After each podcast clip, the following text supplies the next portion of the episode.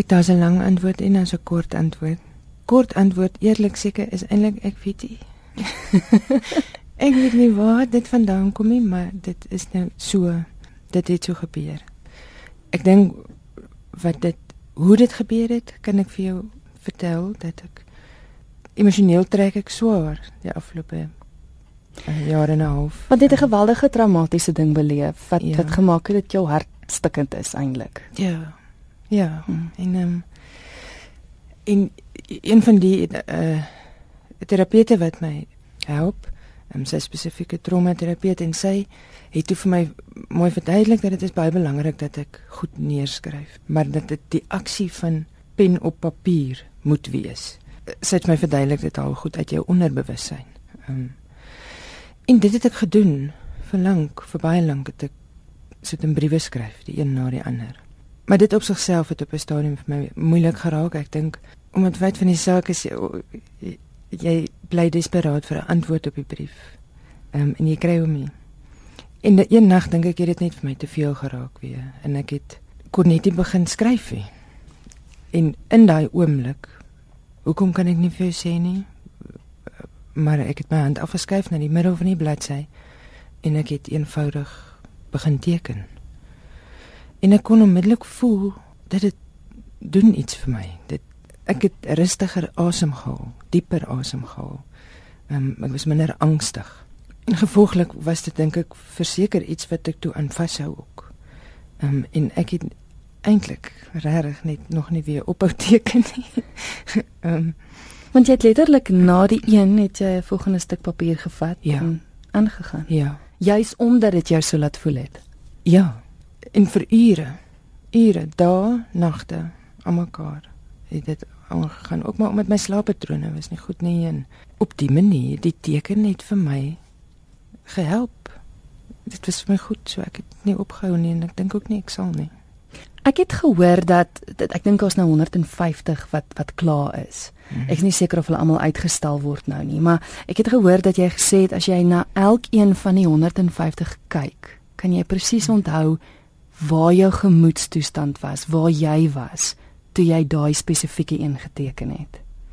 Ja, kyk waar dit is jou my die hoeveelheid plekke waar my gedagtes gegaan het in die en ek wil nie sê in die loop van 'n dag nie in die loop van 'n uur, 'n minuut. Ehm um, dit is miljoene plekke.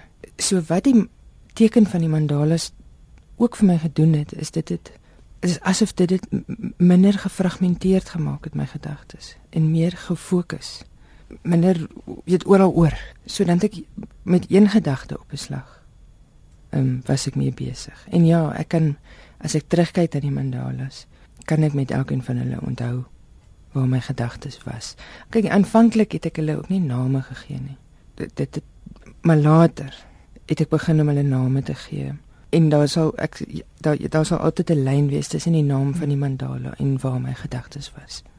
Verduidelik gou vir die luisteraars wat is 'n mandala en ook die feit dat jy eintlik aanvanklik nie eens geweet het dis mandalas wat jy teken nie. Weet ek sê ons sê nou mandalas. Ek weet nie eers of ek dit reg uitspreek nie. Ehm um, vir wat ons weet val die klem dalk iewers anders. Dalk is dit mandalas, ek weet nie. Dis maar hoe dit vir my die eerste keer gesê is, mandala, so ek het die uitspraak daarvan aangeneem. Nee, ek het nooit voorheen geweet van die bestaan van mandalas nie. Ek weet dit is seker onkunde, ek weet nie. Ehm um, ek het nie eens die woord geken nie. En ek het seker vir ek was seker al vir 4 maande besig om wat ek geteken het. Ehm voordat iemand gevra het of hulle dit goed kan sien wat ek teken. Mm. Ehm mm. um, en toe hy dit sien, het hy vir my gesê ehm um, hy was eintlik vreeslik verbaas en het opgekyk en vir my gesê maar besef jy dat die goed wat jy teken het 'n naam? En ek antwoord hom toe eerlik, ek sê nee en hy sê toe vir my mis noem dit mandalas. En hy het vir my gesê ek moet bietjie gaan lees daaroor. En ek het maar toe nie baie nie. Ek het myself gestop om want daar is 'n magdom inligting daar buite oor mandalas. Hmm. En 'n verskriklike wye verskeidenheid um, en dit is ek was ek meen dis iets wat oor eeue kom. Ehm um, in so baie kulture. Ehm um, En daar's daar's baie verskillende um, hoeke waar dit mense daarna kyk en dit interpreteer.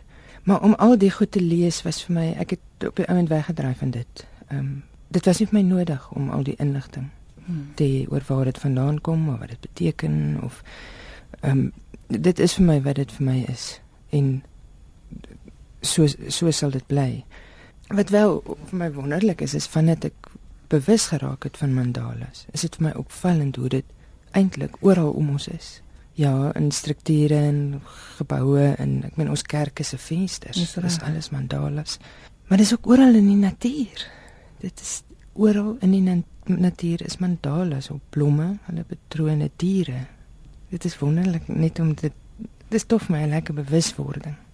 Um, om dit bewus te wees daarvan en om dit raak te sien. Jy het oorwegend aan die begin dink ek net blou gebruik.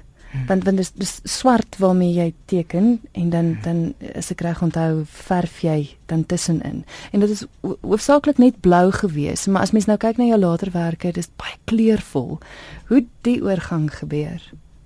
Met die aanvanklike um, waarmee ek begin het, was was net swart en blou. Ehm um, in wit. Ek dink die waarheid daar agter is omdat ek die hele tyd Anneke se oë voor my gesien. Dit is alsa die mooiste blou oë gehad. Hmm. Mense wat haar ken, sal dit weet ook van haar. En tyd later, baie mandalas later van die wit en blou en swart mandalas, het ek net een gemaak wat toe net swart en wit is.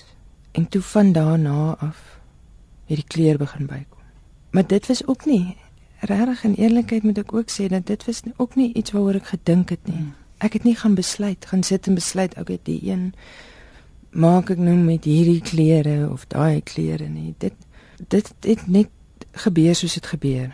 Die wonderlike ding is die mense rondom my het raak gesien dat dit vir my goed is. Mm. So hulle het goed vir my aangedra. So dis nie asof daar 'n tekort aan klere rondom my was nie. Want dit het oral om my ek kon net my hand uitsteek en nou nog 'n tipe soort papier nader trek of 'n canvas nader trek. Daar was was kwaste en penne en daar was van alle kleure. Ehm um, so ek ek kon net my hand uitsteek en wat ek ook al raak vat was dan die volgende mandala. Wat ek kan agterkom oor die manier hoe jy praat is dat dat dit so 'n ongelooflike groot helingsproses was dat dit gehelp het eintlik met die hele helingsproses. Is ek reg? Ja. Kyk die die dinge as dan doen iets is wat ek ook seker geleer het oor die afgelope jaar en 'n half is en almal daar buite wat al dieselfde deur is, sal dit ook weet. Daar's nie 'n handleiding vir die ding nie. Daar's nie eers reëls nie. Jy kan nie dit voorspel nie, jy kan dit nie beheer nie, al wil jy. Jy kan nie. En ek dink op 'n manier wat die mandalas indirek ook vir my gedoen het, is dit het vir my tyd gegee. Dit het vir my nog tyd gegee.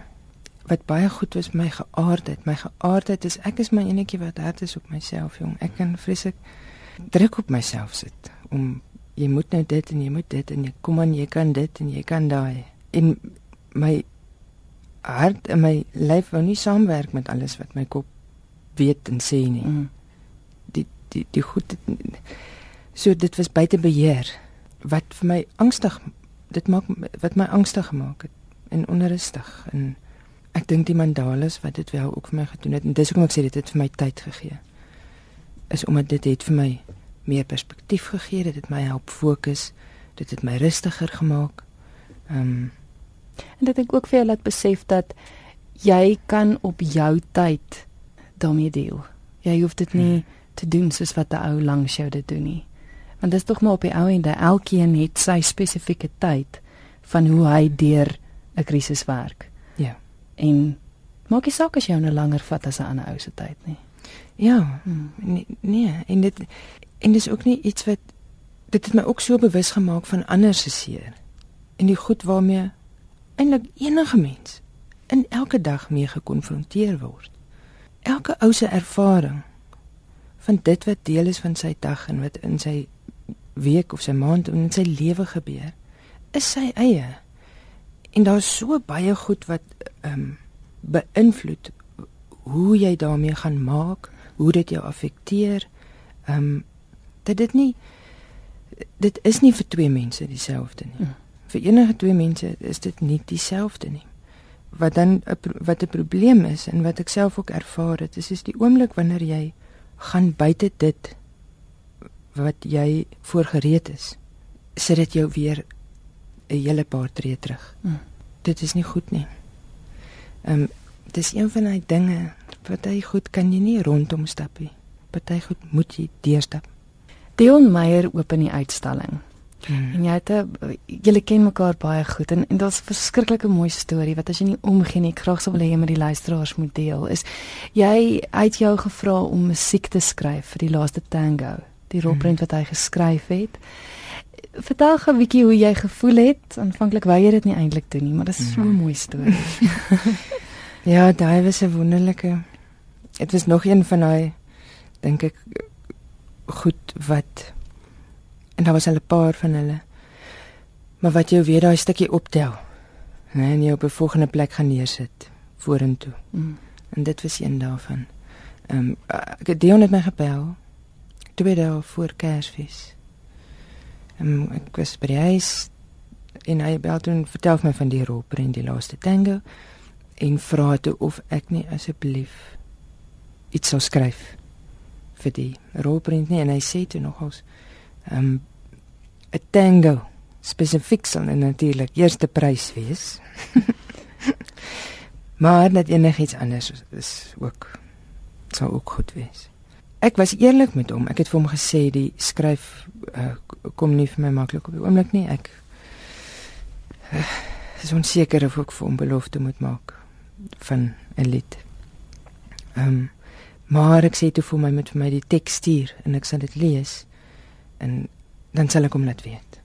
En die foon neergesit in my hart was baie seer na die oproep en dit was maar oor uh omdat hy so spesifiek vir 'n tango gevra het. Want die tango was 'n geweldige uh groot passie van Anneke en sy het fisieke kennis daaroor gehad en dit verskriklik mooi gespeel. Um so dit was net weer nog een van die ja. baie goed wat daai gemis net soveel groter maak. En uh toe het ek dit laat gaan. Ek dink ek het dit so 'n bietjie op sy gestoot die hele en ek dink eintlik maar op myself gedink het. Ek sal seker mos op stadium vir die onbalance. Mm -mm. Nou nie die keer. maar toe twee dae na die oproep. Um net die dag na Kersfees het ek uh, vang my oog uh, boeke van Anneke van Ovio boeke. En dit trek my aandag en ek het by vloer gaan sit en net begin om maar te blaai.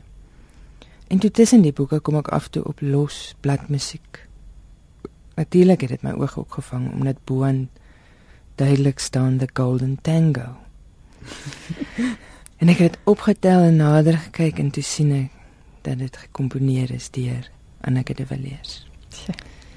En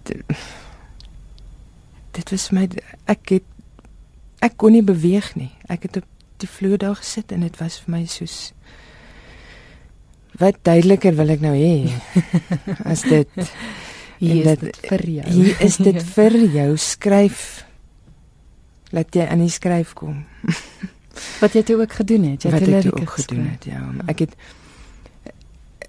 dit was my moeilik. Ek het met die klavier gaan sit en dit nou ook eers die melodie, nee, te luister en ek het dit sit en speel. En toe probeer om die liriek by te sit. Maar dit was my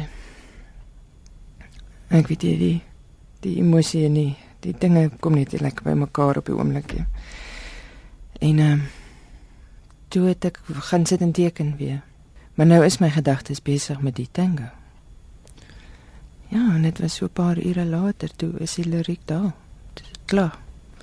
Dit ek weer by die klavier gaan sit en net gesing. 'n Paar dae later het opgeneem. Ook haar tango soos sy hom geskryf het. Ehm um, instrumentaal het ek ook laat opneem. Mm. Ehm um, en beide die snitte vir Dion hulle gestuur en beide is in hier opbrengt. Ag, dis wonderlik. Hoe voel dit om te weet jou heel eerste uitstalling is nou te sien? Wat wat maak dit as jy benoud, as jy opgewonde? Kyk alreeds nee, net as jy daai sin sê. Jou eerste uitstalling en klink dan wil ek oor my skouer kyk en kyk of jy met iemand anders praat. Want dit is vreemd vir my. Dit klink vreemd. Ek dis mos nou nie ek ken nie dit nie. Ehm um, ek is gewoond iemand vra my wanneer is jou volgende vertoning of nee wanneer stel jy 'n nuwe serie vry? Nou hoor ek wanneer weet hoe voel jy oor die eerste uitstalling? Maar as jy is jy reg om om dit te laat gaan? Want kyk dis dis stukke wat uit jou hart uitkom.